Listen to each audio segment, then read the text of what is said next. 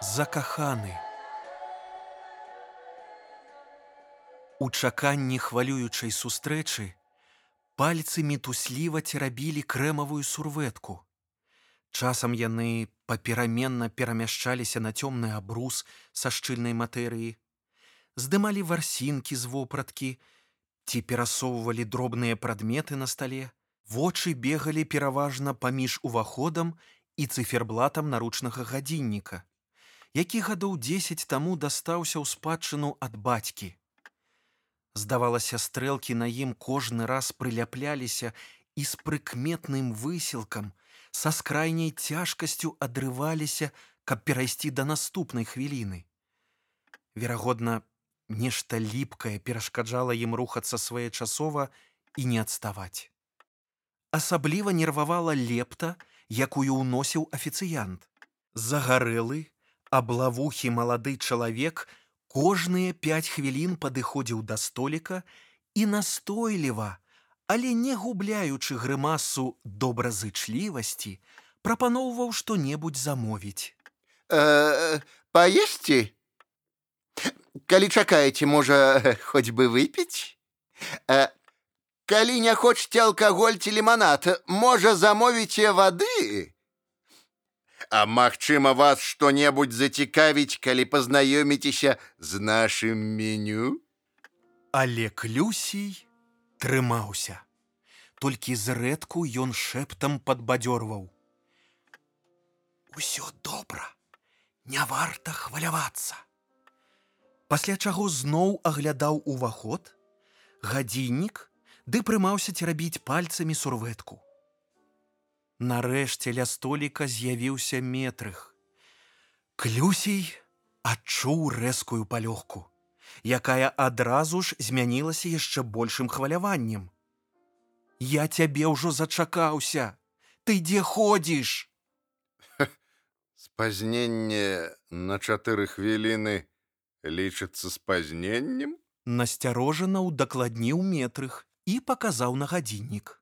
Не, просто думаў, што ты таксама прыйдзеш загадзя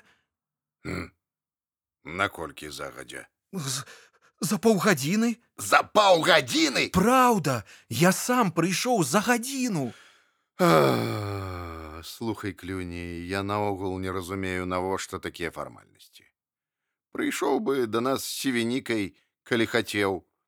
Ды пагаманілі б, Але выпадак асаблівы. Але ж і мы, браты, не чужыя людзі, каб па дарагіх рэстарацыях хавацца. Хацеў пагаварыць з табой сам насам. Амаль сам насам. М, Выйшлі б у нас на двор. Нешта абралі? Над мужчынамі навіс афіцыянт. Мы толькі селі. Падыдзі праз хвілін 15. Хутчэй ваше меню не адужаць. Адказаў метрых. Хачу пазнаёміць цябе са сваім каханнем. А, ну тады зразумела, ну тады правільна. Метрых жэсам паклікаў афіцыянта назад ды спытаўся ў брата. Э, Ты ж плаціш. Ну, ну так, вядома. Нам э, бутэльку шампанскага. У адказ загарэлы лапавухі афіцыянт расплыўся ва ўсмешцы даўгачаканай палёгкі. Тым часам пажылая пара за суседнім столікам, якая піла па пятай порцыі ліманаду і нічога больш не замаўляла, уважліва, са шчырай цікавасцю разглядала братоў. Якая замілавальная пара. Не, па гутарцы выглядае, што яны браты або вельмі блізкія сябры. Хіба?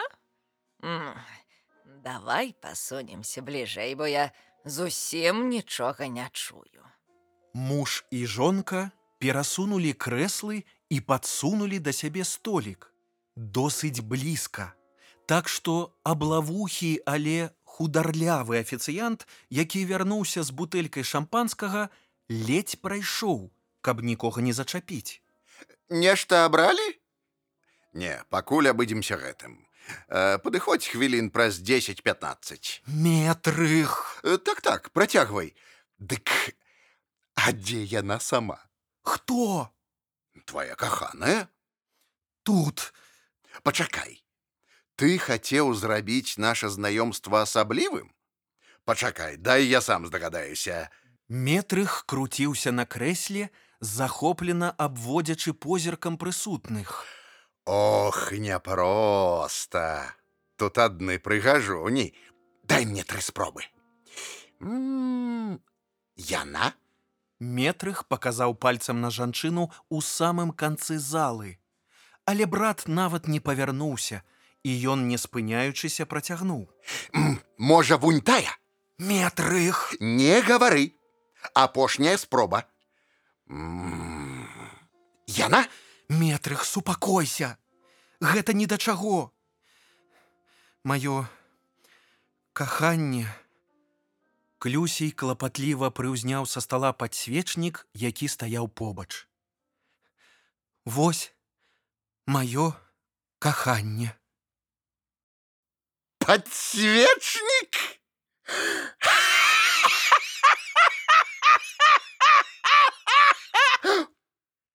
Мужчына заліўся непрыстойна гучным гамерычным рогатам.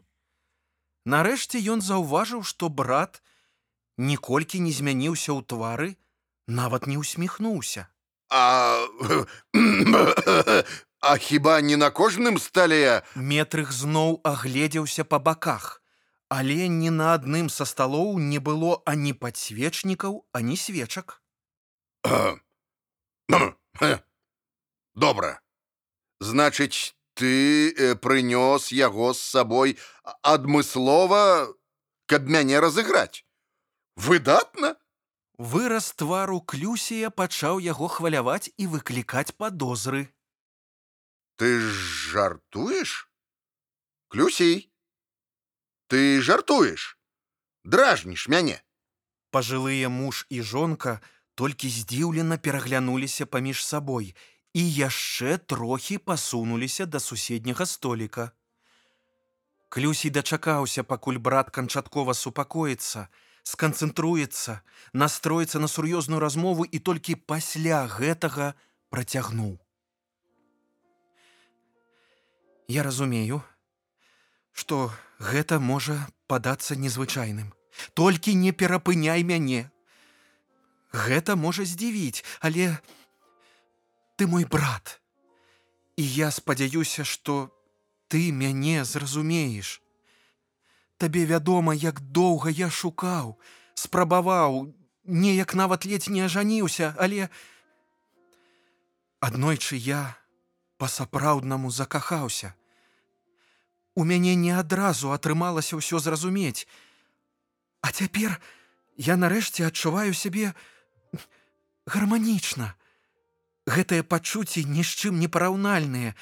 Гэты падсвечнік, які выклікае ўва мне пяшчоту, трапятанне, цеплыню, даражэй мне за ўсіх на свеце. Чакай. Эй, нават не хачу гэта асэнсоўваць. Дапусцім, ты гэтага не казаў. Скажы толькі, ці збіраешся ты завесці нармальную сям'ю? Нармальную сям'ю? Як, калі б я, ведаючы пра твае пачуцці да севінікі, задаў тое ж пытанне. Гэты падсвечнік цяпер і ёсць мая сям'я. Па-першае, Севеніка і так моя жонка. Па-другое, у яе ёсць дзірка. А па-трэцяе, яна чалавечая істота. Якое гэта мае значэнне, чалавек ці не, калі пачуцці, эмоцыі я адчуваю тыя ж, Бо як і ва ўсім, не мы жывем для чагосьці, але гэта нешта ёсць для нашага жыцця. Ну ты ж ведаеш, бацька нам заўсёды казаў: Ты жывеш не для таго, каб какаць, а какаеш для таго, каб жыць. Першы раз, дарэчы, гэта сказаў пасля твайго паўгадавога запора. Ты мусіш разумець. Мне бы усяго год. Такое не забываецца. Няхай мне было тады сем, таму проста павер. Ты ніколі не адчуеш узаемнасці. Хіба заўсёды ёсць узаемнасць? Гэта гісторыі з кніг. Нават калі ў пачатку ёсць, колькі яно доўжыцца. Год, два. Затое немінуча ўзнікае ўзаемнасць прэтэнзій, капрызаў, крыўдаў, абавязательстваў, патрабаванняў. А дзе за ўсёй гэтай узаемнасцю каханне? Яно непрыкметна памірае. Але нам гэта не пагражае. Ніякіх непаразуменняў, прэтэнзій і крыўдаў, поўная ідылія. Клюсей паглядзеў на падсвечнік, пяшчотна прысунуў у шчыльную да сябе і пацалаваў. Фу, мерзота. Ён да таго ж холодны. Не паўтарай на марозе ды з языком. Ну ты дэмагог. А дзеці? У вас народзяцца маленькія падсвечнікі? З кепікамі спытаў метрых. Дзеці, А навошта яны мне? Каб было пра каго клапаціцца, дзяліцца сваім цяплом. Гэта зусім іншыя эмоцыі. Яны такія замілавальныя. Калі захочацца, мне дастаткова праяўляць клопат да тваіх дзяцей, забаўляцца, замілоўвацца з імі і ў той дазоўцы, якая мне будзе камфортная. А не думаць, куды схавацца, ляжаць у гаражы пад машынай больш, чым пад жонкай. Проста ў мяне аўтамабіль вельмі стары. З іншага боку і пра цябе клапаціцца не будзе каму. Падаць хаця б, калі ты не моглы судна, піваць і цыгаретку. Па-першае, заводзіць дзяцей для клопату пра сябе не лепшая ідэя. Па-другое, іх наяўнасць нічога не гарантуе. Па-трэцяе, навошта мне ўжо жыццё, калі сам не здольны выпіць і памачыцца. Але дзеці, нашчадкі і працяг роду. Ды няўжо не адчуваеш сябе самотна. А як урэшце рэшт з задавальненнямі? Ці не збіраешся ты з жалязякай? Нашчадкі, хэй! Гучыць быццам у цябе княства, палацы, горы золата, якія ты не ведаеш, куды ўжыць і пры сваім жыцці. Калі так, дзіўна, што пазычаеш у мяне штомесяц. Можа, штосьці абаралі? Падкраўся з пытаннем афіцыянт. Не. Нервова адказаў клюсей, ды працягнуў яшчэ больш абураным тонам. Ты не здольны пракарміць сваіх 12 дзяцей і жонку. А хутка дададуцца і яе састарэлыя бацькі з бабуляй і дзядулем. Калі толькі спадкаемцам збірайся пакінуць пазыкі, тады ты маеш рацыю. А яшчэ працяг роду. Здавалася, клюсію стала няёмка за сваю гарачнасць, і ён трохі панізіў тон. Думаеш, палена, якое кідаюць у печ, турбуе, што ў лесе ў яго засталіся нашчадкі. Для мёртвага нічога не існуе. Якая справа нябожчыку да таго, ці ёсць у яго нашчадкі? Задавальненне. Ці шмат ты адчуваеш задавальненне праз столькі гадоў шлюбу? Ды існуюць і іншыя спосабы для гэтага. Ва ўсялякім разе у маім узросце і задавальнення таго не хочацца. Ты проста не разумееш, што справа тут не ў целе, а ў пачуццях. Адзінокім я сябе не лічу. Мне і раней было дастаткова сябе самога. А цяпер з каханнем і зусім хапае ўсяго злішкам. Апошнія словы клюсій вымавіў ужо спакойна. Па-асабліваму кранальна, пасля чаго клапатліва дакрануўся да падсвечніка. Тым часам Пажылыя муж і жонка, якіх гэтая размова ўжо клапаціла не менш, чым яе ўдзельнікаў, перыядычна ўсхвалявана заміралі, асабліва калі адзін з братоў дасягаў у сваёй танальнасці піка. Ведаеш метрых, Мне дзіўна чуць аргументы, якія ты вычытаў у нейкім часопісе для матуль і ў якія сам не верыш. А мне дзіўна. Чаму ў нашай сям'і гэты крыж давядзецца цягнуць толькі мне? Чаму толькі мне заўсёды прыходзіцца аддзімацца, а ты робіш, як табе захочацца, як эгаіст. А навошта інакш? Далейшая сцэна якая доўжылася каля сямі хвілін 43 секунд, такі няроўны лік мусіў бы пераконваць, што гэта ўсё ж не была пастаноўка або наўмысная спроба маніпуляцыі. Была падобная да аналагічных у іх дзяцінстве. Спачатку па шчацэ метрыха пабеглі рэдкія, але густыя бруі слёз.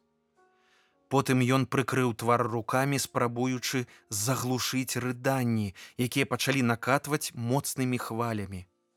Нарэшце, калі мужчыне ўдалося супакоіцца, ён парасціраў слёзы па твары, выцер нос сурветкай, якую, дарэчы, падаў пажылы мужчына і якую метрых прыняў, па-ранейшаму не звяртаючы ўвагі на пару незнаёмцаў побач.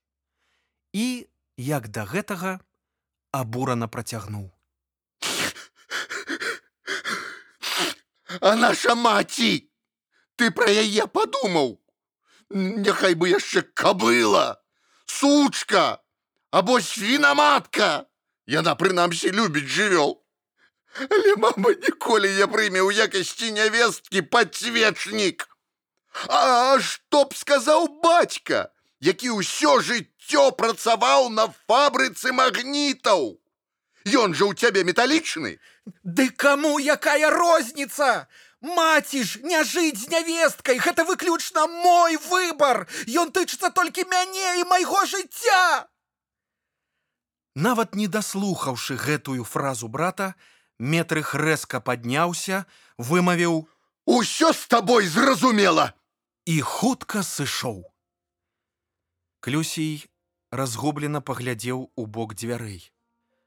Ён не збіраўся далей спрачацца, але хацеў хоць бы растлумачыць брату, навошта менавіта ён вырашыўся падзяліцца тым, чым падзяліўся. Падавалася, у іх было не менш за 40 хвілін размовы, але гадзіннік паказваў, што іх сустрэча доўжылася ўсяго 11 хвілін 17 секунд. Пажылая пара прасоўвалася ад свайго месца так, што ўжо сядзела за іх сталом. Яшчэ калі метрых пусціў першую слязу, але клюсій іх гэтаксама не заўважаў, пакуль цяпер яны самі не звярнуліся да яго. Ад нечаканасці ён нават спалохаўся. Не ведаем, як вы ставіцеся да шматжонства, Але можа вы не супраць пазнаёміцца з нашай дачкой. І яна, дарэчы, таксама падсвечнік. Закаханы. Мастацкі падкаст па тэксце кірыла стаселькі. Ролі агучвалі Сергей Чуб, Олег Гарбус і Крысціна Дробыш. Подписывайтесь на подкаст на ўсіх буйных пляцоўках, каб не пропусціць новыя выпускі.